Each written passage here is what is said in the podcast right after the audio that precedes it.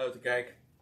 En uh, goed, elkaar hier te treffen. En uh, ik zie een heel aantal uh, voor mij nieuwe gezichten. En in het bijzonder voor jullie ook een hartelijk welkom. En ondanks het feit dat het 4 december is en dat wij in Nederland zijn, gaan we het toch niet hebben over een ruiter op het witte paard. Dat zou zomaar voor de hand gelegen, gelegen kunnen hebben. Hij heeft ons ook bedrogen, hè, toen, met Darius. Ja, precies. Ja, daar zijn hele kwalijke dingen over te zeggen, over, uh, over Sint-Nicolaas. Maar daar gaan we het verder niet over hebben. Wij gaan verder gewoon in de serie over het beest uit het land. Want kijk, laat ik uh, dit vooraf even mogen zeggen. We leven in zulke geweldige, boeiende tijden de, de termijn, de Bijbelse termijn is bezig te verstrijken. En we weten gewoon puur, zelfs al alleen al op basis van de chronologie van de Bijbelse tijdrekening. De dag, de zesde dag, nee niet de zevende dag. Uh, of anders geteld, de derde dag, het derde millennium, is zeer aanstaande. Kijk, en dat betekent dat we onze ogen hebben gericht op de terugkeer van de Heer Jezus Christus.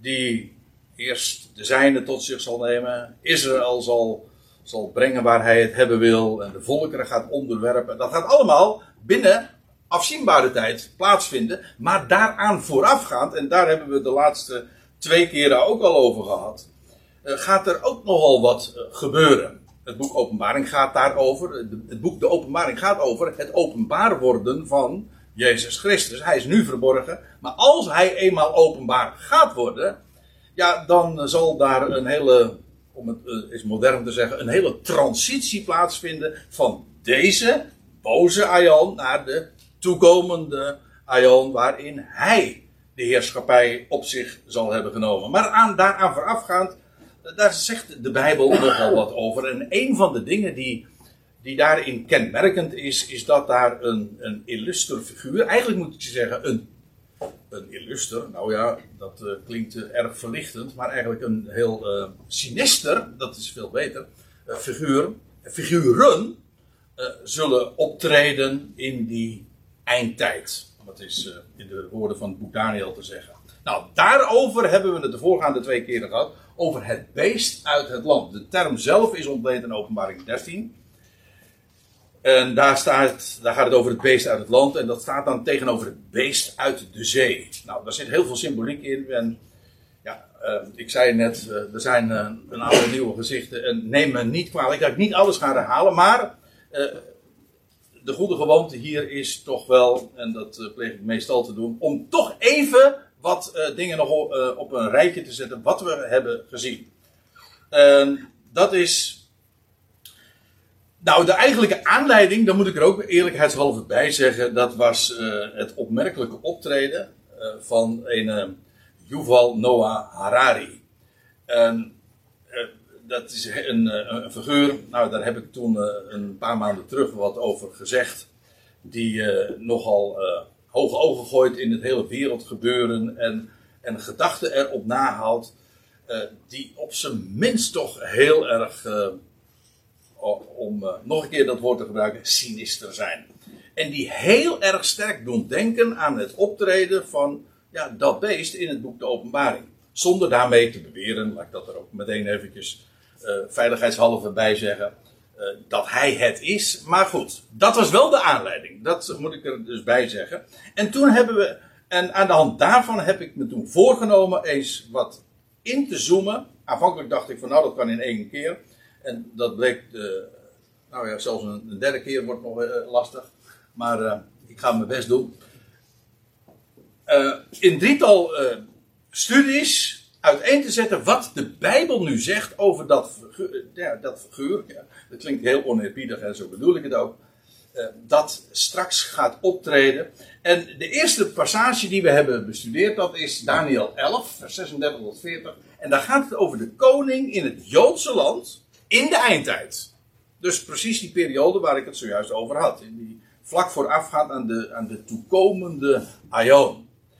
En, en daar, uh, ja, van hem worden een aantal dingen gezegd. En ik noem ze gewoon even zonder uh, ook maar enige toelichting daarover te geven. Je leest van hem eh, dat hij geen begrip zal hebben, voor, voor die koning in het Joodse land, in de eindtijd dus, geen begrip zal hebben voor enige God.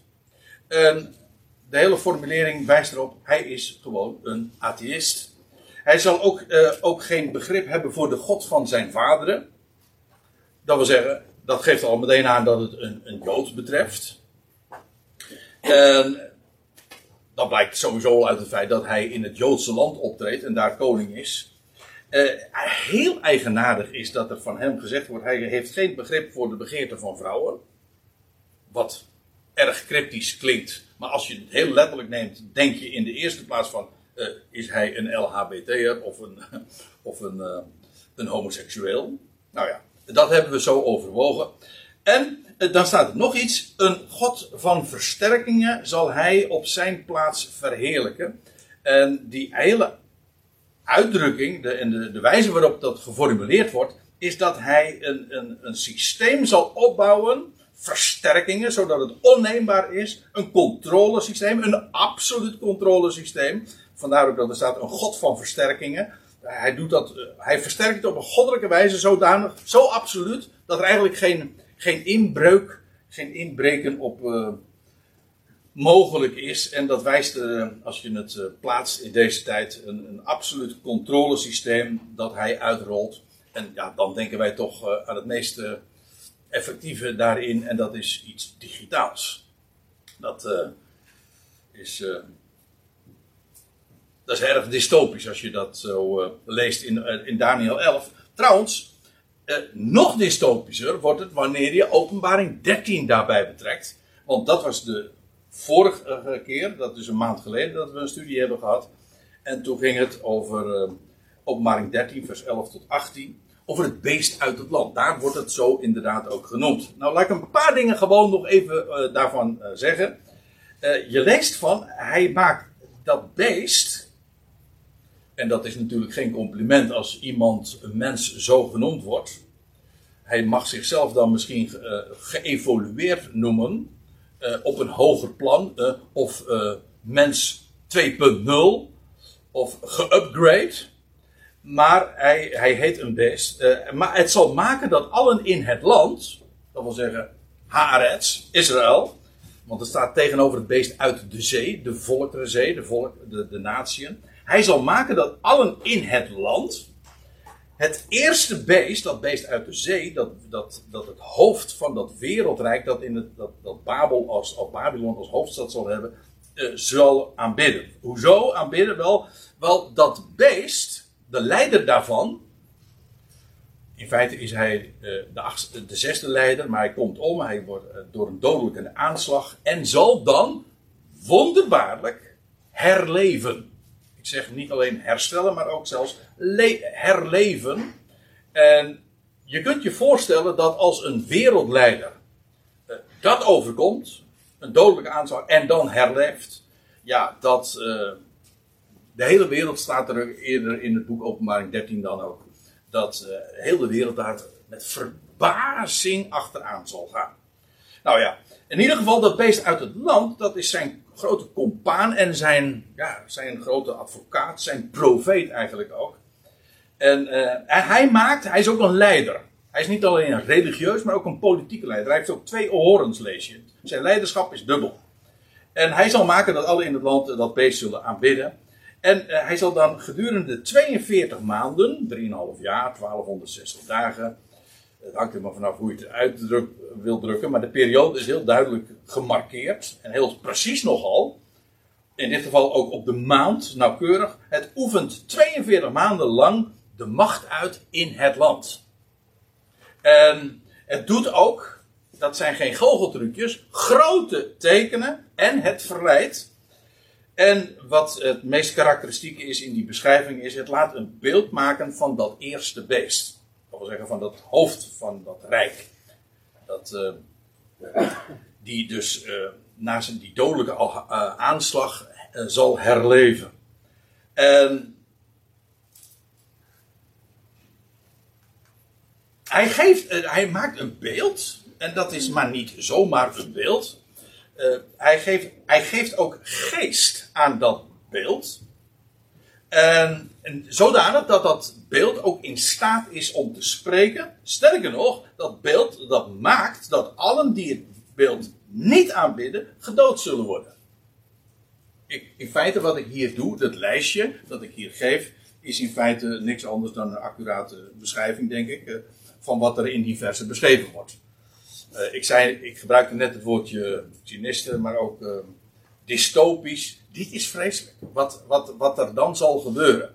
Over een, een, een, systeem dat uitgerold wordt, inderdaad, dat zal maken dat dat beeld in staat is om te spreken, maar ook om inderdaad een zodanige macht uit te oefenen dat iedereen die dat niet doet, gedood zou worden. Het zorgt er namelijk ook voor dat de aanbidders die krijgen een teken op de rechterhand. Dat is uh, inmiddels uh, berucht. Hè? Uh, maar het krijgt een teken op het rechter of op het voorhoofd. En degene die dat teken krijgen, de aanbidders van dat beeld, die daar dus in die hele cultus meegaan, ja, die zullen, die zullen kunnen deelnemen aan de economie en kunnen kopen en verkopen. Als je dat teken niet krijgt, ja, dan ben je helemaal uitgesloten van het systeem van kopen en verkopen. Het gaat hier dus specifiek over het land. In hoeverre dat ook uh, elders buiten het Israël, het land, uh, de Joodse, uh, buiten de Joodse staat, zeg maar, een rol zal spelen, dat weet ik niet. Maar in openbaar 13 gaat het specifiek over het land. En er wordt nog iets heel bijzonders bij opgemerkt. Dat is om het, als het op, voorhand weet, we weten niet de naam, maar wel de, de getalswaarden, de, de gematria, zo heet dat, van zijn naam. En dat wil zeggen, als je alle, alle letters bij elkaar optelt als cijfers, want letters zijn cijfers in het Hebreeuws, als je die bij elkaar optelt, dan, kom je, dan is de som daarvan 666. Allemaal zessen. Daar, daar zit heel veel aan vast. Ik heb de vorige keer eventjes wat, wat gedachten daarover gememoreerd. Ga ik nu niet, uh, niet doen. Maar dit is wat we hebben vastgesteld. En dit wordt specifiek over dat beeld, uh, pardon, over dat beest uit het land gezegd. En ja, dat sluit uh, naadloos aan bij wat we in Daniel 11 over hem vinden. In feite hebben we daarmee de beschrijving voltooid. Bijna. Want er zijn nog een tweetal hoofdstukken, eigenlijk drie moet ik zeggen, waarin deze figuur, dit beest uit het land, nog een keer genoemd worden in ditzelfde boek, in de openbaring. En ja, daar, uh, daar gaan we het dan over hebben. Het eigenaardige is, vanaf openbaring 13 gaat hij een andere naam krijgen en dan heet hij de valse profeet. Dat was hij ook al gedurende, eh, tenminste in zijn optreden, was hij al een valse profeet in openbaring 13, maar zo wordt hij niet genoemd, laat ik het zo zeggen kom daar straks nog even op terug. Uh, laat ik eerst eventjes een aantal dingen uh, nog vaststellen. Voordat we nu verder gaan. Die keren dat hij namelijk nog meer genoemd wordt in het boek Openbaring. Die, dat gaan we nu zien. Maar voordat ik nou verder ga bij de, de, de, volgende vermelding. Ja, dan moet ik eerst nog eventjes een paar dingen op een, op een rijtje zetten. Want anders mis je, uh, denk ik, het een en ander. Kijk, uh, het is namelijk zo dat openbaring 13, uh, waarin de beest uit het land beschreven wordt, dat, dat beschrijft die periode van wat elders dan heet de grote verdrukking van 42 maanden. En ik heb het expres maar eventjes wat geschematiseerd met, uh, met een tijdbalkje, voor zover dat dan mogelijk is, maar in ieder geval om het eventjes in zijn verband te bezien. het tweede wat, je weet, wat we weten, en nou volg, wat, wat puzzelstukjes vanuit de Bijbel her en der uh, breng je dan bij elkaar. Hoewel in het boek Openbaring dat zelf ook al blijkt. Dat die periode van verdrukking, van Israëls verdrukking, die eindigt met de verschijning van Christus. De Messias. Namelijk op de Olijfberg. Zijn voeten zullen uh, te tien dagen dan staan op de Olijfberg. Meerdere schriftplaatsen spreken daarover. Dus die 42 maanden, die periode van grote verdrukking voor Israël, eindigt met de verschijning van de Christus, de Messias, op uh, de Olijfberg uh, aan Israël dus. En dan nog iets. Uh, die verschijning van Christus, die, dat komt overeen qua tijd met het zesde zegel. Ik, eh, terwijl ik dit zeg, denk ik van, ja, het, kan, het zou zomaar kunnen dat een aantal van jullie, denken, "Goh, waar heb je het over met zegels?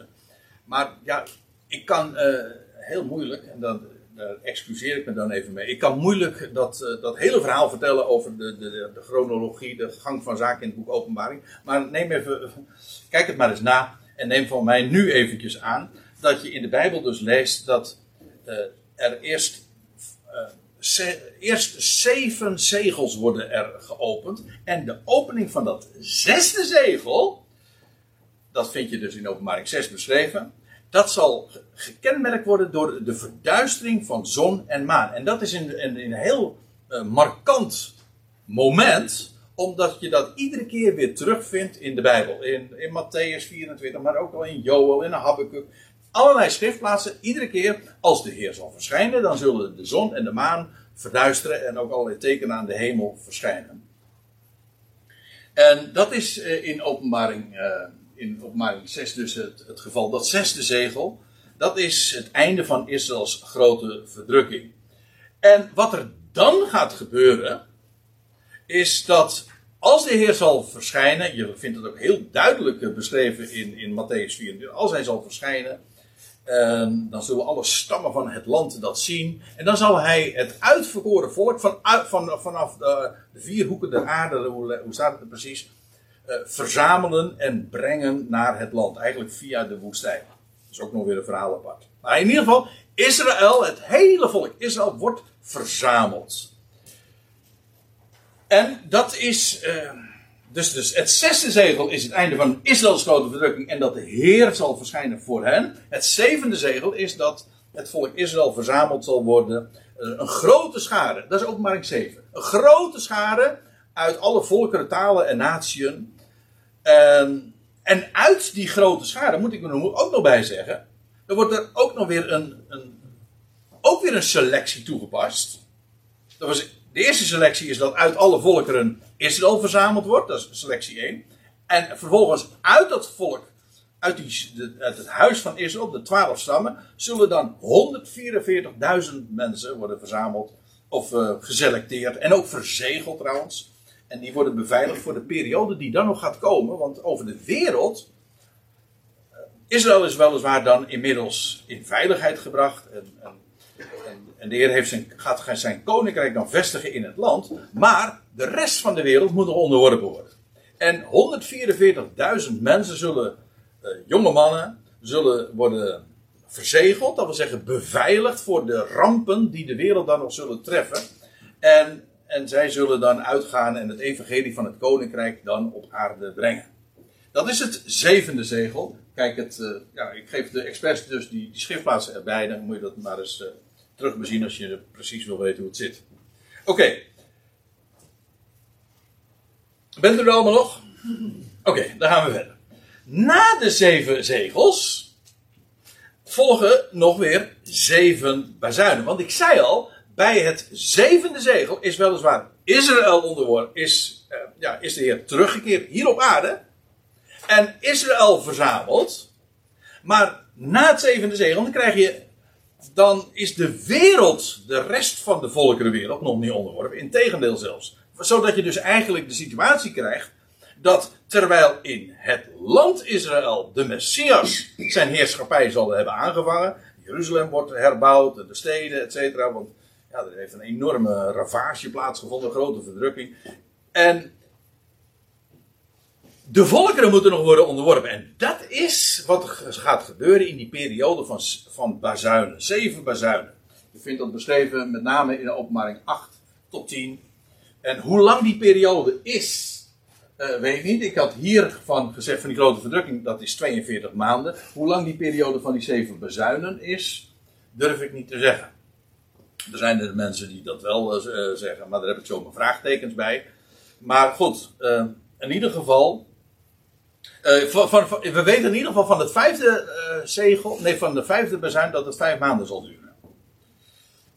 Ga nou niet zeggen van, oh, dat is een zeven keer vijf maanden, want dat, eh, dat sommetje gaat natuurlijk niet op. Dat is een, uh, dat is een drogredenering. Maar ik bedoel maar te zeggen, dat gaat dus, het is niet zo dat als, want dat is een beetje een gebruikelijke misverstand, als u het mij vraagt, dat na de Israëls grote verdrukking, dan wordt Israël verzameld en dan zijn alle volkeren ineens onderworpen. Nee, helemaal niet. Want dan, dat zal uh, worden ingeluid met zeven bazuinen, rampen, echt, je praat dan echt over rampen die de, de volkerenwereld zullen treffen. En die 144.000 die geselecteerd zijn en het evangelie van het koninkrijk brengen, ja, die zullen beveiligd zijn. Dat wil zeggen, die zullen niet omkomen. En die, ja, dat is die krijgen een goddelijke uh, beveiliging. Want dat is wat het zegel ook betekent. Je vindt dat ook. Het wordt ook echt zo benoemd in openbaring 7 als, als die 144.000 verzegeld uh, worden. Dat hen niks zal overkomen in de periode die, gaat, die nog zal volgen. Dus die zeven bazuinen hebben alles te maken met de onderwerping van de volkerenwereld aan de Messias. Oké. Dan wil ik nog even iets zeggen. Dat in openbaring 16 worden die zeven bazuinen opnieuw weer genoemd en verhaald. Nou, met die verstanden dat het dan niet uh, gaat over zeven bazuinen, maar over zeven schalen. Maar wat blijkt, is dat die zeven schalen die uitgegoten worden, vol, volmaakt synchroon lopen met de zeven bazuinen. Wordt al, het, is, het, perspectief is anders. Ik zeg ook niet dat het een herhaling is van, van, van beschrijving. Ik wil alleen zeggen dat wat de eerste schaal komt overeen met de eerste bazuin en de tweede schaal met de tweede bazuin, et cetera. Dus uh, die zeven bazuinen hebben ook een andere naam, de zeven schalen. Hier heb je dus de zeven zegels en dan de zeven bazuinen. Annex of uh, slash uh, zeven schalen. En dan het, het, nummer 7, dat is wel aardige, aardige telling in dit verband. bij het uitgieten van het zesde schaal. Ehm, ja, want dat is waarom ik dit nou zo noem. Als het de zesde schaal, dus in de tijd van de zesde bezuin, wordt uitgegoten, dan, dan opnieuw komt het beest weer aan de orde. En zijn compaan, dat wil zeggen zijn, dat beest uit het land. Meestal is het zo dat als het over het beest gaat, dan gaat het over het beest uit de zee. En die andere is, uh, ja, die uh, heet dan uh, specifiek het beest uit het land. Of zoals we nu zullen gaan zien, de valse profeet dat bij het. Dat is dus inmiddels een, een, een, een, tijd later. Ik zei al, ik hou in het midden, ik hou een slag om de arm om die periode een, een, een, tijdsduur mee te geven. Misschien dat ik er ooit nog eens achter kom. Ja, dat is, zeker trouwens. daar kom ik nog wel een keer achter. U ook. Maar precies, dan hoef ik het jullie niet meer te vertellen. Nee, en dan hebben we deze zaal ook niet meer nodig, Maar op dit moment weet ik niet. En, in ieder geval, uh, ik zei het later. Uh, dan komen dat beest, die leider van dat, uh, van dat wereld, en, zijn valse, en de valse profeet opnieuw weer aan ter sprake. Die zijn dus niet, die, ja, die leven dan nog, dat weet ik. Waarom? Wel, het staat gewoon letterlijk zo beschreven. Want, ehm, nou, goed, dit was dus de inleiding. Nu gaan we inderdaad, uh, dit was inderdaad de inleiding. Nu gaan we dus het inderdaad hebben over uh, de volgende vermelding van deze figuur waar we het nu al twee keer over gehad hebben. Oké, okay, openbaring 16. En dan komen we, en dan lees ik bij openbaring 16 vers 12. Dan gaat het dus over die zesde, de zesde boodschapper, de zesde, de zesde engel, die een, zijn schaal uitgiet. En dan staat er dit. Ik lees gewoon voor. En de zesde goot zijn schaal uit over de grote rivier de Uivraat. Aha, dit is aardrijkskunde, dit is geografie. Hier wordt het heel duidelijk gelokaliseerd. En zijn water, dat wil zeggen het water van de rivier de Uivraat, een levensader natuurlijk in het eh, Midden-Oosten. Eh, maar zijn water droogde op. Eigenaardig, ik zei al, die schalen en die bazuinen die lopen synchroon. Of ja, dat, die kun je zo naast elkaar leggen. Want uh, bij de zesde bazuin speelde die rivier ook al een grote rol. Ik, om het eventjes uh, helemaal het duidelijk te maken. Bij de zesde bazuin lees vier. Dan lees dat vier boodschappers of engelen worden losgelaten bij de Uivraat. Trouwens, dat is ook die rivier, weet u wel, waar de stad Babylon aan gebouwd was. En zal zijn. Bedoel, Babylon krijgt nog weer een grote rol. Wordt meestal eh, wegverklaard en zegt van ja, dat zal wel eh, Rome zijn of weet ik veel wat. En uh, ik hou er de opvatting op na dat Babylon Babylon is. Ja, oké. Vier boodschappers die worden dan losgelaten, lees je bij de zesde bezuin. En, en twee myriaden, twee keer tienduizenden van tienduizenden legerscharen. Uh, die doden een derde van de mensen. Ik zei zojuist, uh, dat is enorm. De, de rampen die beschreven worden in verband met de bazuinen die over de wereld gaan. Die, die transitie waar ik het zojuist over had, van deze boze IO naar de toekomende. Nou, daar gaat een hele. Dat is, dat is een enorme schoonmaak, als ik het zo mag zeggen. Daar moet heel veel. Ik wou zeggen, er, er, gaat nog heel wat water door de Rijn. Maar eigenlijk in dit verband kan ik beter zeggen. Er gaat nog heel wat water door de Uivraat. Uh, voordat dat zover zal zijn. En uh, dit, komt dus, die zesde bezuin komt ook hier, zie je dat heel duidelijk, komt overeen met de zesde schaal. Oké. Uh, de zesde schaal goot, uh, de zesde engel goot zijn schaal uit over de grote rivier de Uivraat en zijn water droogt op. Waarom? Waarom werd dat water, waarom ontstaat daar een weg? Want ja, waar ze zo doorheen kunnen gaan, om de weg gereed te maken van de koningen die van de opgang van de zon. Oftewel van het oosten. Want daar komt de zon op, nietwaar? Dus je krijgt dus dit verhaal, dan dat een kaartje van het Midden-Oosten. Hier heb je uiteraard de Joodse staat. En de Uifraat. Uh, dit, ja, dit is de Tigris, die rechts. En uh, links is de Uifraat. En de, aan die rivier ligt ook de Babylon. En vanaf uh, het noordoosten, dat wil zeggen, ja, van, zal uh, vanuit die route zal, zal er een weg vrijgemaakt worden. En zal men de Jordaan kunnen over doortrekken. Of in ieder geval, de Jordaan wordt in ieder geval droog gelegd. Sorry? Wat zei ik dan? Jordaan. Jordaan? Ja. Ja, daar kun je ook doorheen trekken.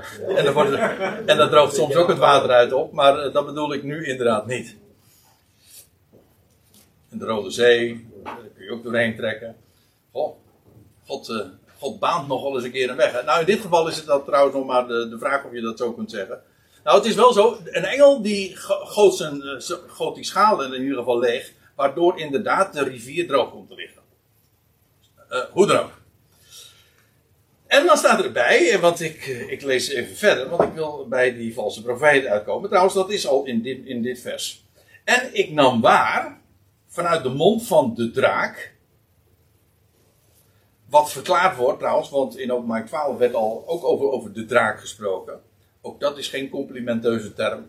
Maar dan wordt gezegd, ja, die draak dat is de oude slang, dat is de diabolos, de duivel, of de Satan. Of uh, hij heeft nog een naam. Weet ik niet. Nee, vier. vier. Nou ja, anyway, uh, we weten, het zijn, het zijn er genoeg om, om te weten waar we het over hebben. Uh, en dus het wordt zo, het wordt dus, je kan zeggen van het is beeldtaal. Ja, natuurlijk is beeldtaal en met, met uh, doorspekt van symboliek. Jawel, maar het wordt ook verklaard. En ik nam waar vanuit de mond van de draak. En. Oh, hier heb je ze. De diabolos, de oude slang.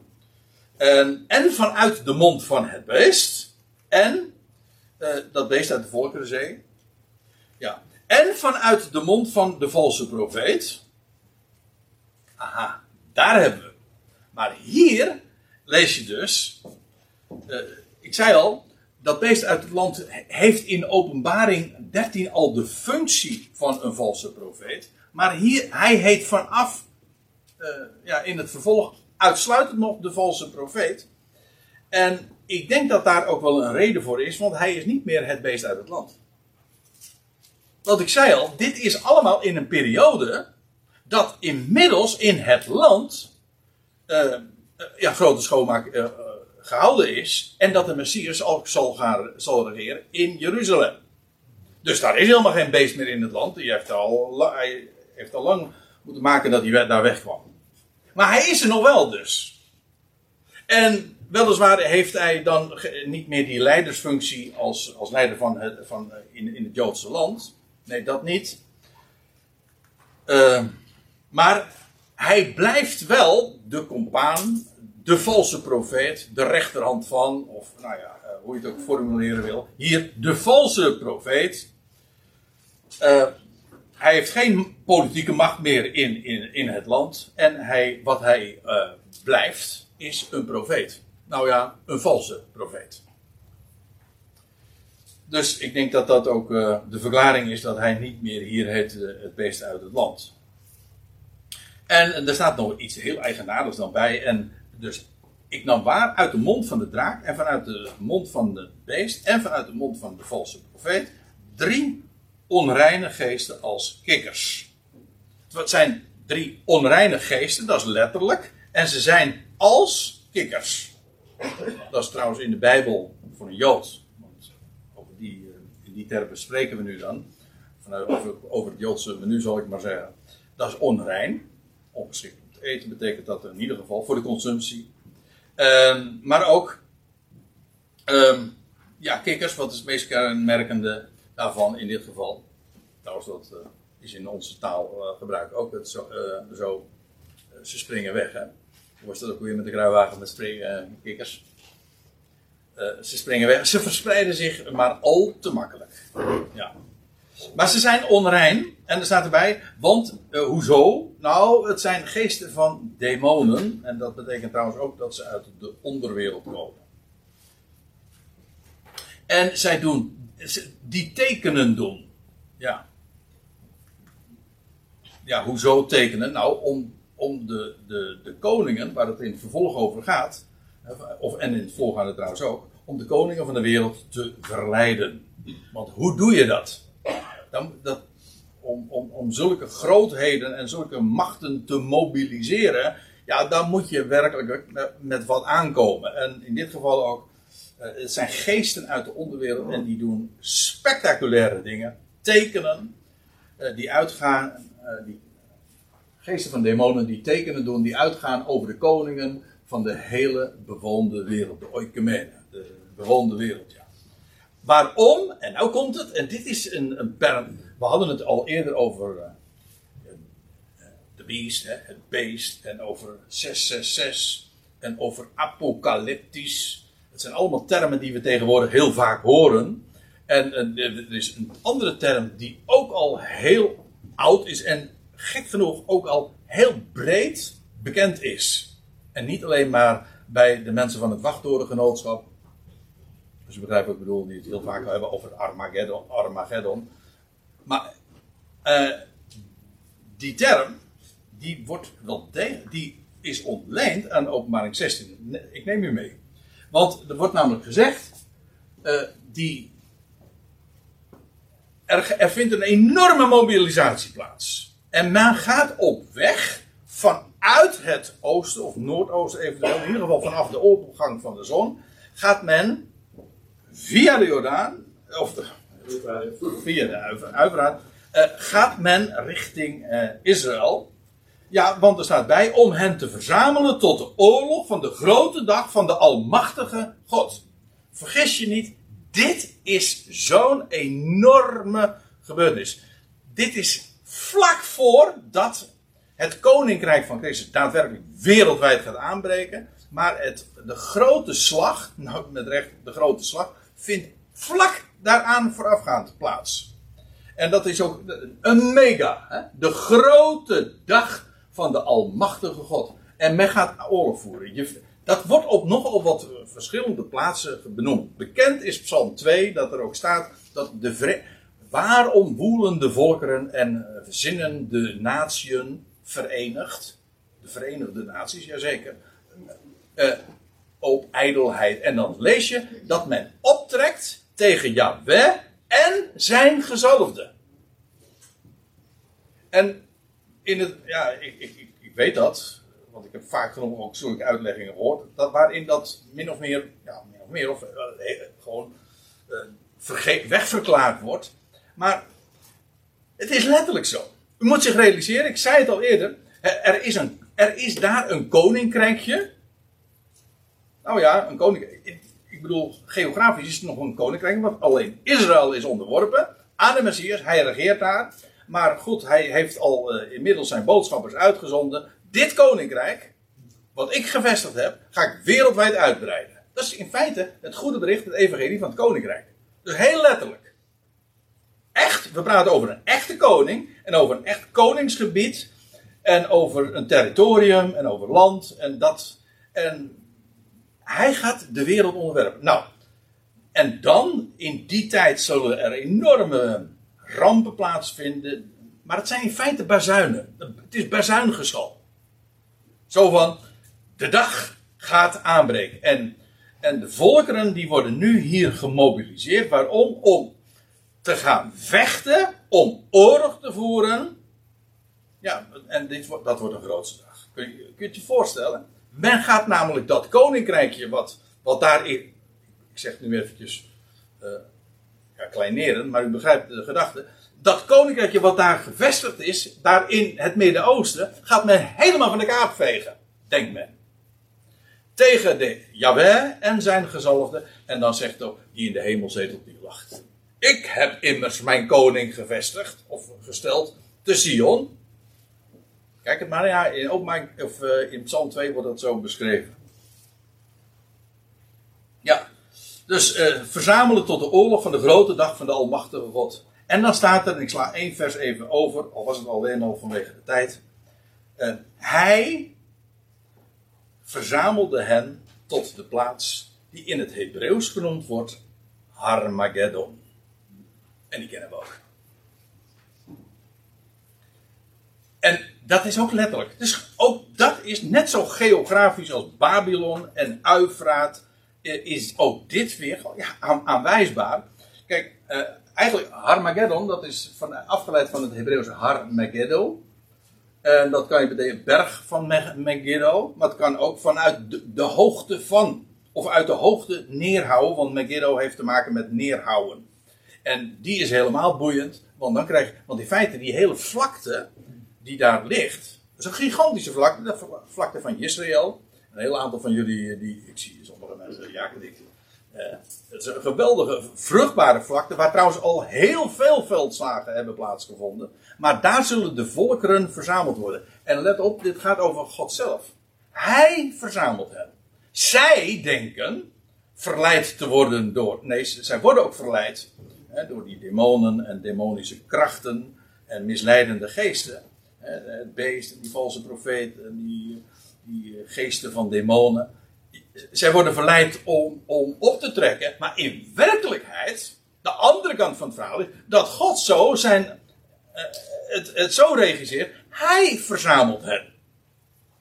Hij verzamelt om gewoon, uh, ja gewoon, nou zo gewoon is het niet, om af te rekenen met alle oppositie in dit geval ook daadwerkelijk uh, politieke en, wat zeg ik, militaire oppositie. Want al die legers worden daar dan verzameld. Hij verzamelde hen tot de plaats die in het Hebreeuws genaamd wordt Harmageddon. En God zelf brengt die volkeren hier om met hen af te rekenen. En uh, ja, dat is, deze, dat is deze vlakte hier in, in het noorden van Israël. Dit moet dus niet verward worden. Harmageddon is dus die, die, uh, de, verzameling van de volkeren ja, in die enorme grote vlakte. En dat, uh, dat, is, dat is niet hetzelfde als de strijd die zal plaatsvinden uh, bij dat zesde zegel, als de Heer zal verschijnen aan het einde van Israëls grote verdrukking. Dat is een andere strijd. Dat is een, daar, zit, daar tussen. Dat heeft te maken met de onderwerping van Israël. Dus je ziet, als je, ik kan me voorstellen bijvoorbeeld dat als je nu met kerkelijke oren zit te luisteren en je, hebt alleen maar, je denkt alleen maar in termen van uh, nou ja, weet je, we, we leven nu en, uh, en uh, nou, een mens gaat dood en ja, dan is het hemel of hel en dat, dan breekt de eindeloze eeuwigheid aan. Ja, dan, dan is dit een. Klinkt dit misschien zelfs bizar in uw oren. Maar God heeft een plan en het is, de Bijbel kent trouwens de, een de eindeloze eeuwigheid helemaal niet. De Bijbel spreekt over aionen, wereldtijdperken. En in ieder geval ook in verband met de terugkeer van de Heer Jezus Christus gaat alles in een bepaalde orde. Eerst Israël. En dan vervolgens de volkerenwereld. En aan het einde van die, eh, ja, van die periode dat de volkerenwereld zeg maar, eh, getroffen is door rampen en nou, uiteindelijk dan in grote agressie, kun je het je voorstellen, nadat al, al vijf rampen hebben plaatsgevonden, en de zee en het land en een derde komt om in de zee, et cetera. Vreselijke rampen, dat daar een enorme agressie zal zijn. Want men brengt het allemaal in verband met, ja, met dat wat daar gebeurd is in, in het land. Nou, men gaat dus oorlog voeren en daar worden ze verzameld. Zij denken dat uit eigen beweging te doen, maar uh, het is God zelf die hen daar verzamelt in uh, deze enorme grote vlakte. En dat gaat een enorm bloedbad worden. Ja, dat, je leest zelfs zo dat dat een stromende, stromende rivier. Er staat er van, van 1600 stadien. Dat, is, dat is precies de lengte trouwens van het land, van, van Dan tot uh, Beersheba, zeg ik het goed? Of is het uh, naar Eilat? Weet ik even niet. Uh, het is in ieder geval 300 kilometer. Een bloedbad wordt daar aangericht. Vandaar ook dat er gesproken wordt in termen van, van wie is daar? Hè? Wie, wie komt daar? En, met bloed besprenkelde klederen. En, het, als, als iemand die de wijnpersbak treedt. En wat is dat, wat is dat rood aan uw gewaad?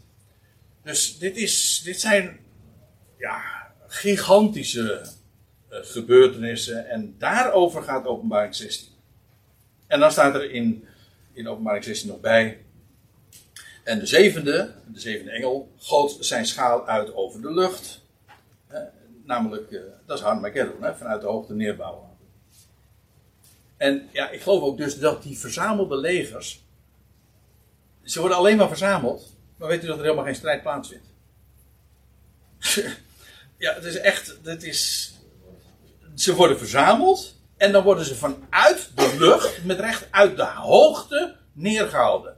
En uh, dan lees je ook. En, uh, en de zevende grootste schaal uit, over de lucht. En er kwam een luide stem vanuit de hemel, vanaf de troon, die zei: Het is geschied. Dus er heeft, nog geen, er heeft nog geen schot gelost, er heeft nog geen kanon geschoten, eh, om zo te zeggen. De legers zijn verzameld en dan de zevende, die, die giet zijn schaal uit zo vanuit de lucht over de. En, en dan klinkt het, het is geschied. En dan worden de, die verzamelde vijandelijke legers vernietigd. En ja, dan, ja, dit is de zevende. De zevende bazuin. En dan is het allemaal gerealiseerd. Het koninkrijk kan nu wereldwijd worden gevestigd. Dit komt exact overeen met wat je leest over het zevende bezuin. Die had je kunnen verzinnen, want dat zei ik eigenlijk net al. Kijk het maar na in openbaring. Eh, ja, goh, had er nog een diaatje bij, zie ik. Maar die heb ik uh, per ongeluk weggehaald. Maar kijk het maar na, uh, kan ik je helpen. Openbaring 11, vers 15. Daar staat het ook bij, de zevende bezuin. staat precies hetzelfde. Het is geschied. En nu is het koninkrijk gekomen, staat er over koninkrijk van Christus is gekomen oh, en hij zal heersen over. ja, over alle volkeren, over, alle, over, de, over de hele wereld. Niet, dus zijn koninkrijk was bij het zesde ze, of slash, zevende zegel gevestigd over Israël, maar bij de zevende bezuin is zijn koninkrijk globaal, wereldwijd, over alle volkeren gevestigd. En de grote tegenstand, de oppositie die er nog was, die is bij deze gelegenheid in één keer vanuit de hoogte. De Heer doet heel erg vanuit de hoogte dan. Hè? Uh, ja, maar uh, rekent hij af met alle oppositie. Nou, en dat brengt mij dan bij openbaring 19, want daar wordt nog een keer gesproken, maar dan weer vanuit een ander perspectief, over die oorlog, over Harmageddon dus. En nou neem ik u mee naar openbaring 19, vers 19. En ik nam het beest waar en de koningen van de aarde en hun legers die verzameld zijn. Nou, dat, dat, dat, we weten waar het dan over gaat. Om oorlog te voeren tegen hem die op het paard zit. En heb je hem. Dit, is ook een ruiter op, op het witte paard. Dan weer een andere als waar ik het net over had. Maar goed. Dat zeg ik jou eventjes om het ingewikkeld te maken. Goed. Uh, hier zie je trouwens ook in dit vers heel uitdrukkelijk dat het oogmerk van die oorlog is dat die legers zich verzameld hebben. Waarom? Om oorlog te voeren tegen hem die op het paard zit en tegen zijn leger. Waarmee dus gezegd is dat zij heel concreet eh, oorlog voeren tegen een, ja, een concreet iemand die daar eh, in dat land eh, zijn heerschappij heeft gevestigd. En zij willen daar een einde aan maken en het omgekeerde gebeurt. Namelijk, er wordt een einde aan hun oppositie gemaakt. En dan staat er, en het beest werd gegrepen. Ja, dat, ik zei al, voordat er sprake is van oorlog, van oorlogvoering, ze waren alleen maar verzameld voor de oorlog. Maar voordat er sprake is van oorlog, is het al afgelopen. En het beest werd gegrepen. Dat is dus die leider. Die, uh, die met, met die dodelijke schotwond of die dodelijke wond, uh, dat hij herstelt en her, waarvan hij herstelt en dat hij herleefde. Hij dus. En het beest werd gegrepen. En met hem de valse profeet. Aha, daar hebben we hem weer. Dat is dus uh, die in openbaring 13 het beest uit het land heette. Of in Daniel 11 de koning. En met hem de valse profeet. Die de tekenen deed in zijn zicht. Uh, waarin hij hen deed dwalen, deed dwalen die het merkteken van het beest ontvingen. Ja, dus dan weet je ook meteen inderdaad dat die valse profeet daadwerkelijk identiek is aan uh, dat beest uit het land. Uh, waarin hij hen deed dwalen die het merkteken van het beest ontvingen en die het beeld aanbaden. Ja, want iedereen in het land, die toen het uit, werd, uh, werd, werd gedwongen om een merkteken te ontvangen. En, dan, verklappen we meteen hun einde einde van hun oppositie, maar ook wat er meteen gebeurt. Levend werden de twee geworpen in het meer van het vuur dat brandt in zwavel. Beide. Beide figuren. Dus zowel die leider van het wereldrijk, het beest, als ook de, zijn valse profeten. Ze werden geworpen in het meer van het vuur. Ik denk trouwens dat het letterlijk een, vuur, een, een meer is. Er is namelijk een meer dat gekenmerkt wordt dat brandt in zwavel van oudsher al. En ik denk dat het inderdaad hier gaat over de Dode Zee. Dat uh, gereactiveerd wordt, om het zo te zeggen. Je leest in openbaring. Nee, dat is, openbaring is het laatste boek. Genesis is het eerste Bijbelboek. Maar daar lees je al van dat je, over Sodom en Gomorra deed de Heer het zwavel branden. Nee, hoe staat het met vuur en zwavel? Regende op het land. Uh, en nou, zo kwam er een einde aan, dat, uh, aan, aan die steden. En dat is wat, uh, waar, waar je nu nog steeds naartoe kunt gaan en waar zo enorm veel zwavel te vinden is. En dat, dat gebied, de Dode Zee, een meer, daarin worden zij geworpen. Dus we praten dan inderdaad dus over uh, figuren die daar aanwezig zullen zijn in het land. Ja, maar ze worden meteen gegrepen en ze worden linea recta in dat, in dat meer van vuur geworpen dat brandt in zwavel. Er is mijn zin maar één locatie dat daarvoor in aanmerking komt. Geef toe, het wordt niet hier benoemd, de naam wordt niet gegeven, maar ik denk dat we geacht worden te weten uh, welk, welk meer,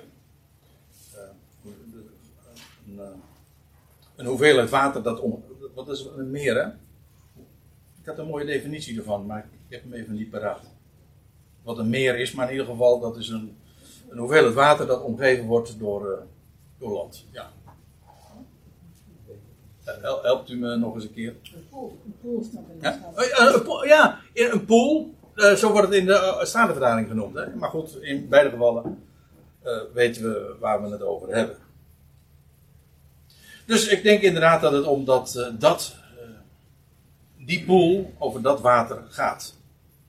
En de laatste keer dat hij trouwens genoemd wordt, de valse profeet, dan ben ik nu, dan, dan zijn we er nog niet, maar ja, ga er nog wel even voor zitten.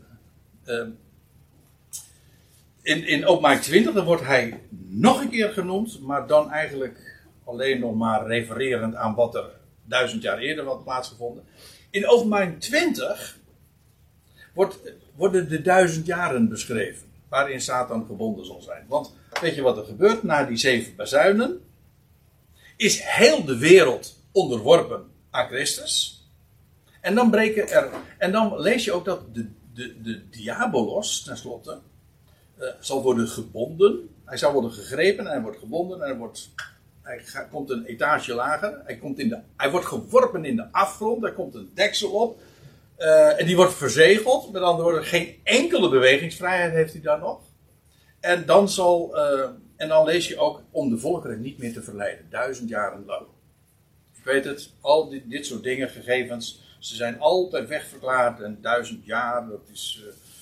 eh, eh, ja, god, dat is. eh, nou ja. ja, ja dat, dan krijg je dus vragen van hoe lang duren die duizend jaren? En zo. Ja, ik vind het bizarre vragen. Toch? Als je, het zijn hele concrete. Kijk, als je het hebt over beeldtaal, over een draak, en zeg gaat het dan echt over een draak? Nee, dan wordt het verklaard. Maar die duizend jaren is gewoon heel letterlijk, gewoon duizend jaar. Het wordt zes, zeven keer wordt, wordt die periode ook benoemd. Duizend jaar lang zal Satan niet in staat zijn om de volkeren te verleiden. Aan het einde van die duizend jaar, dus dat is duizend jaar, minimum, ja, een millennium. En na, de, na de, het, het eh, arresteren van dat beeld, van dat beest en zijn profeet. Duizend jaar daarna zal Satan worden losgelaten en dan zal hij ook nog weer enige succes hebben, maar van korte duur. En, nou ja, en dan lees je in vers 10 van openbaring 20. En de diabolos, oftewel de duivel, degene die alles door elkaar gooit, want dat is, wat die, dat is een hoofdactiviteit, zal ik maar zeggen. De diabolos, die hen deed verleiden, die werd geworpen in het meer van het vuur en van zwavel. Ah, dezelfde locatie dus. In het muur van het vuur van zwavel. Ja, dat is trouwens ook opmerkelijk, want als het inderdaad de Dode Zee is, we weten dat gedurende het millennium dat meer ook weer tot leven zal komen. Zodanig zelfs dat daar weer al, zelfs allerlei vissersplaatsen zullen zijn, die nu al, die in, openbaring, eh, pardon, in Ezekiel 47 al zelfs benoemd worden. Bij name. Eh, ja, dus dat, eh, er is een periode dat eh, dat, dat eh, meer dus een levende zee wordt. Maar aan het einde van het millennium zal het veranderen en wordt het wederom een meer van vuur en van zwavel. Eh, er staat ook bij waar ook het beest en de valse profeet zijn. Waar, die waren namelijk daar al eerder in geworpen. En zij zullen dag en nacht gekweld worden. Ja, goh, dit is. Aarzel eigenlijk om daarover te beginnen, want ja. Goh, daar, zit, zit nogal wat aan vast. Maar. Kijk, normaal gesproken. Als je later in het boek Openbaring leest bij de grote witte troon. dat als mensen daar worden ingeworpen. dan staat er van: dit is de tweede dood. U begrijpt dat als je in zo'n eh, zo'n meer geworpen wordt, dat, dan sterf je onmiddellijk. Net, net zoiets als wat er gebeurde bij Sodom en Gomorra. Dat is, dat is een, een, eh, in no time is dat je dood. Je leest ook van mensen die daar eh, die opstaan bij de grote witte troon en die eh, wiens naam niet staat in het boeken van het leven. Zij worden geworpen in dat, in dat meer, in die pool. En dan staat er, dat is de tweede dood. Zij sterven daar onmiddellijk.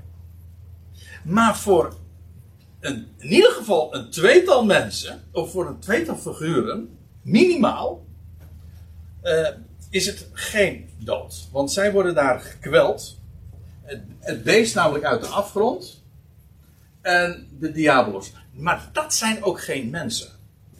De, diabolos sowieso natuurlijk niet, dat is duidelijk. Maar ook van dat beest uit de afgrond is ook ja, alleen maar qua. eh, als die, de- als die zeg maar na die dodelijke wond eh, herleeft, dan, dan lees je dat, is, dat komt omdat er een geest van hem bezit neemt uit de afgrond. Maar dat betekent dus feitelijk dat zijn lichaam niks anders dan een, ja, het- instrument is van een geest uit de afgrond. Met recht bezeten. Hij is bezeten. Hij, eh, hij is in bezit genomen door een geest.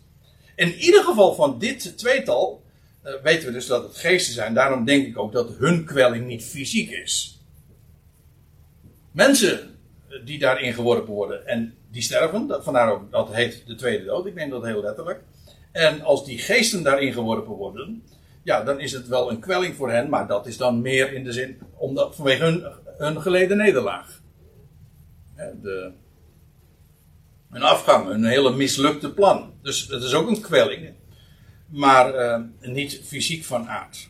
En als er staat, en zij zullen gekweld worden, dan zijn dat in ieder geval er twee dus. Of die valse profeet daar ook bij hoort, eerlijk gezegd denk ik het niet. Maar ik hou. Nou Nee, ik weet het niet zeker. Ik denk het niet. Laat ik het zo zeggen, het beest uit de afgrond die komt. Dat, ja, dat die, hij heet zo omdat hij eh, be- bezeten is door een geest. De diabolos is een geest, inderdaad, geen mens, geen, niet, niet fysiek zoals wij. En die valse profeet, denk ik eerlijk gezegd wel. Ik heb geen directe aanleiding uit de Bijbel om aan te nemen dat hij, dat hij ook een, eigenlijk een bezeten iemand is in de zin van dat hij eh, een geest zou zijn. Maar ik zit nu hardop te denken. Als het anders is, dan, eh, dan hoor ik dat eh, van u wel. Ik hou me aanbevolen. Maar dit zijn zo mijn overwegingen. In ieder geval weet ik, als er staat zij zullen gekweld worden, dan weet ik in ieder geval zeker, het zijn in ieder geval twee. Ja, dan staat er mij tot in de ionen van de ionen, niet tot in eeuwigheid. Maar goed, dat weten we. Nu heb ik eigenlijk nog maar een paar minuten om nog iets even te vast te leggen. Mag ik nog even? Ik, moet het even bespreken, want ik wil dit onderwerp namelijk nu afronden in 2022. Ik wil niet, ik wil niet in 2023 binnengaan met, meteen met het beest. Nee. Er zijn nog een paar eh, hele mooie ander- andere onderwerpen die wachten. Maar, en dat is dat we één begrip nog niet hebben bezien. En dat is de antichrist. De antichrist is in feite een term die alleen maar in de brieven van Johannes voorkomt. Ik vijf of zes keer. Laten we het, laten we het eventjes langs gaan. Want waarom noem ik dit? Omdat de antichrist overeenkomt. Het is meteen de, de spoiler zeg ik maar. Ehm, de antichrist komt overeen namelijk met de valse profeet. Oké. 1 Johannes 2. Johannes, apostel van de besnijdenis. Hij richt zich tot, zijn volksgenoten. Eh, gelovige volksgenoten. Kleine kinderen, het is, een het is een, niet de, maar het is een laatste uur. En zoals jullie hoorden dat de antichrist komt. Aha. De antichrist. Die gaat komen. En trouwens, anti betekent. eh, heeft de reputatie dat het betekent tegen. En, in onze taal heeft het ook meestal die betekenis. Hè? Eh, als je an- anti, eh, anti militarist bent, dan ben je tegen het leger. Dat, dat betekent het woordje anti. Maar eigenlijk in het Grieks betekent anti in de plaats van. En eh, slechts in afgeleide zin, eh, in de zin van tegen. Kijk, als ik zeg van ik geef u één gulden tegen vier kwartjes. oh, Dat is ook heel verouderd natuurlijk. Als zeg. Maar ik, ik ben nog van, van die tijd, zeg maar. Eh, dan, dan, eh, dan gebruik ik eigenlijk, ik geef je het een tegen het ander. Dat wil zeggen in de plaats van. Hè? Dat is eigenlijk een ruilhandel. En zo wordt het in de Bijbel trouwens ook nog eens gebruikt. Je leest in uh, Matthäus 2. Iemand wordt koning in de, plaats, in de plaats van anti zijn vader. Niet omdat hij tegen zijn vader was, maar gewoon hij neemt de plaats in van. Je leest ook oog in plaats van oog. En tand in plaats van tand. Ook, de, hij is ook het woord anti. En als het gaat om prijs, wordt het ook altijd gebruikt in eh, in, met, de, in de, eh, met het voorzetsel. Nee, zeg ik ook? Ja, voorzetsel anti. Oké, er komt dus iemand, eh, de antichrist, degene die in de plaats, die, die de plaats gaat innemen van Christus. Zijn er ook nu vele antichristen? Niet een antichristen, maar antichristen, meervoud van antichrist, ja. Eh, zijn er ook nu vele antichristen opgetreden, waaraan wij weten dat het een laatste uur is. Aha, die is interessant. Want dat betekent dus, de antichrist komt, maar, zegt Johannes, vergis je niet, het is een laatste uur. De laatste uur niet, maar een laatste uur. En een, karakteristiek aan een laatste uur is dat daar antichristen zijn. En heel karakteristiek. eh, en dat zijn valse profeten, ik zal het straks ook laten zien. En eh, waarom in dit geval er sprake ook is van een laatste uur, moet zich realiseren, Johannes richt zich als apostel van de besnijdenis. We hebben het er al vaker over gehad in, in deze setting. Net als de Hebreeënbrief en de tweede Petrusbrief. Gaat het over de jaren 60, de jaren 60, niet van deze, eh, over die, eh, de jaren 60 eh, uit de eerste eeuw. Toen, eh, vlak voor de val van Jeruzalem, voordat er een einde kwam aan de Joodse natie in die dagen. Dat was een laatste uur. Niet de laatste, maar een laatste uur. Vlak voor de val van Jeruzalem. In 700 AD. En toen waren er ook, dat is ook vanuit andere bronnen bekend, vele antichrist, valse profeten. En nou zegt Johannes, wie is, Johannes, 1 Johannes 2, vers 2, eh, vers 22, wat weetjes. Wie is de leugenaar dan wie logent, zeggende, Jezus is niet de Christus. Dit is de antichrist. Aha, dat is een definitie. En de definitie van een antichrist is dat hij ontkent dat Jezus is de Christus. Of de Messias. De Messias, de Mashiach. En staat erbij, dit is de antichrist, die de vader en de zoon logent.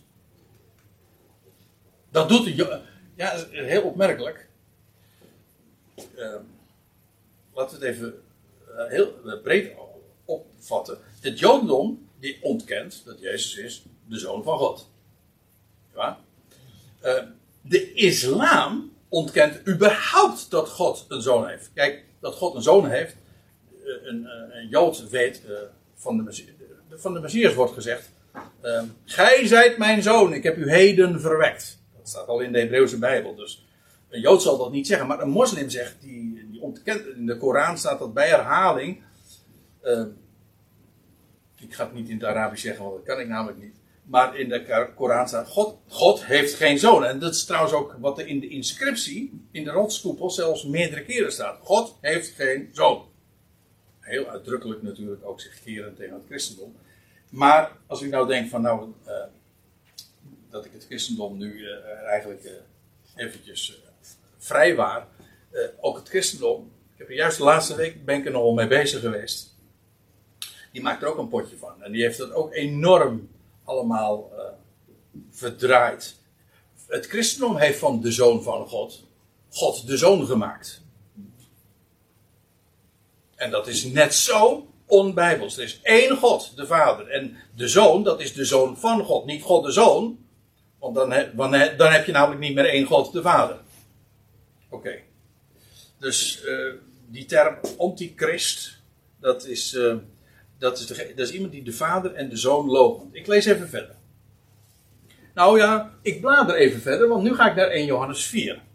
Dan zegt Johannes: Geliefden, vertrouw niet elke geest, maar test de geesten, tot ze. Of ze uit God zijn. Want vele valse profeten zijn uitgegaan in de wereld. En ik zal u laten zien, dit is synoniem met antichrist in vers 3, want ik lees verder. Hierin kennen jullie de geest van God.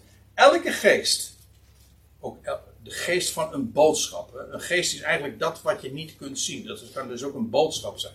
Elke geest, elke verklaring, elke bewering, elke gedachte of die Jezus Christus in vlees gekomen beleidt, is uit God. In vlees gekomen, dat wil zeggen, uh, Jezus, hij is lichamelijk. Hij is, hij is door God verwekt uit Maria. Hij is door God verwekt uit de doden. Hij is dus met recht in vlees gekomen. En dat is, als je Jezus beleidt als de Christus, dat wil zeggen in vlees gekomen, dat is geest uit God. Dat is precies wat God te zeggen heeft. En elke geest, het is heel zwart-wit, dat is typisch Johannes. Elke geest die Jezus niet beleidt, is niet uit God. En dit is de geest van de antichrist. Welke jullie hebben gehoord dat deze komende is. En hij is, hij is nu reeds in de wereld, dat wil zeggen die geest. Geest van de antichrist. Maar let op, waar het me nu even om gaat. De geest van de antichrist, dat is, of uh, die, een, uh, een, een antichrist, dat is een valse profeet. Maar als een antichrist een valse profeet is, dan is de antichrist de laatste, de finale, degene die, die komen zou. Zelfs in Johannes dagen was dat nog uiteraard ook nog toekomstig. Maar de antichrist valt dus samen met de valse profeet. Zodat we de valse profeet, waar we het eerder over hadden in, in het boek Openbaring, ook geschreven door Johannes, hiermee ook geïdentificeerd hebben. Dat is de antichrist. Heel vaak wordt de antichrist uh, de leider genoemd uh, van, van dat wereldrijk, maar dat blijkt dus niet het geval te zijn. De, de antichrist, dat is de valse profeet. Uh, dat is die gast, als ik het zo mag zeggen, dat is die gast die dus in het Joodse land uh, zo uh, die 42 maanden zal optreden en later de wereld, alle volkeren ook zal verleiden, et cetera. Maar hij is het. Hij is dus. dit is ook, als u mij vraagt, dit is de link met het boek Openbaring. Wie is de antichrist? Wie van de twee? Niet wie van de drie, maar wie van, wie van de twee? Nou, dat is dat beest uit het land. Dat is. Die twee vallen samen, die zijn daarmee geïdentificeerd. En dan heb ik nog één uh, dia. Ja, want het wordt echt tijd om af te sluiten, dat realiseer ik me. Want dat, dit is trouwens de tweede Johannesbrief. Ik wilde toch even alle vermeldens noemen waarin het begrip antichrist gebruikt wordt in het Nieuwe Testament. Of überhaupt. Uh, staat er in de tweede Johannesbrief, dan zegt Johannes dit. Want vele misleiders gingen uit in de wereld, die niet Jezus Christus komen uh, of Jezus Christus komst in het vlees beleiden. Dit is de misleider. En de antichrist. Heel, dus zijn boodschap is heel goed en wel uh, gedefinieerd. Heel omlijnd. Het is volstrekt helder wat, wat die antichrist zal ontkennen. Hij ontkent Jezus, Jezus Christus komst in het vlees. In het vlees, dat wil dus zeggen, is heel dat is heel fysiek, heel lichamelijk. Namelijk dat in zijn geboorte. Want als we het hebben over Jezus Christus komst, waaraan denken we dan? Het is nu uh, december. Velen denken dan aan, aan Bethlehem. Dat is op zich terecht. Toen kwam Jezus Christus. Oké. Vervolgens. Toen hij opstond uit de doden. Toen kwam hij wederom in het vlees. Was dood. En in het vlees kwam de Christus. Sterker nog, officieel werd hij toen de Christus. En toen kwam hij ook in het, in het vlees. En, maar dat, daar blijft het niet bij, want Jezus Christus komt in het vlees. Je kunt dan ook nog denken aan de toekomst, de nabije toekomst. Namelijk dat hij zal verschijnen, namelijk in zijn terugkeer. Dan, ook dan zal hij lichamelijk uh, op, ja, verschijnen. Hè. Men zal hem zien is het volk Israël zal hem ook kennen, herkennen aan de tekenen in zijn handen en voeten. En dan. Uh, dus lichamelijk. Dus in het vlees. Dus ook weer zijn komst in het vlees. Dat is, en degene die dat ontkent, de komst van Jezus. Namelijk de Christus. Israëls Messias. In het vlees, lichamelijk. Ongeacht of je nou aan Bethlehem denkt, of aan de Hof van Arimathea, of aan zijn toekomstige verschijning op de olijfberg. In, in alle drie de gevallen heb je het over zijn komst in het vlees. De antichrist moet er niks van hebben. En nou ben ik eigenlijk weer terug bij af, want we begonnen ooit over you, you, uh, hoe heet hij ook weer? Uh, ja, Harari. Nou, laten we zeggen, Harari, ja. Oké. Okay.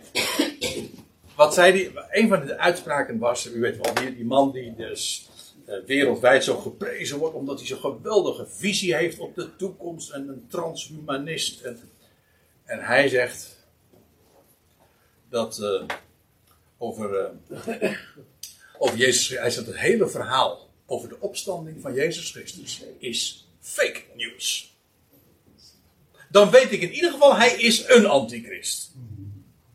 Ja toch? Hij is in ieder geval een antichrist. En of hij de antichrist zal zijn, wat mij betreft, hij voldoet tot dusver aan het, uh, aan het profiel. Maar we gaan het zien. Dus uh, we gaan niet uh, voor de fanfare uitlopen. Maar u begrijpt, dit onderwerp, en, en, ik excuseer me even dat ik het wel heel erg lang gemaakt heb vandaag. Maar het, het moest toch maar eens gezegd worden. Dank u voor uw aandacht trouwens. ik vind het, ik ben ontzettend blij. Laat ik daarmee maar mogen afsluiten. Ik ben ontzettend blij dat wij nu in 2022 deze zo'n bijeenkomst mogen hebben en de schriften mogen openen en ons bezig mogen houden met, met dingen die zo nabij zijn. Dus En dan kijken wij over dat beest uit het land heen. En dan kijken we naar, niet het beest, maar naar het lammetje. Dat staat als geslacht. En daar wilde ik het graag bij laten, vrienden.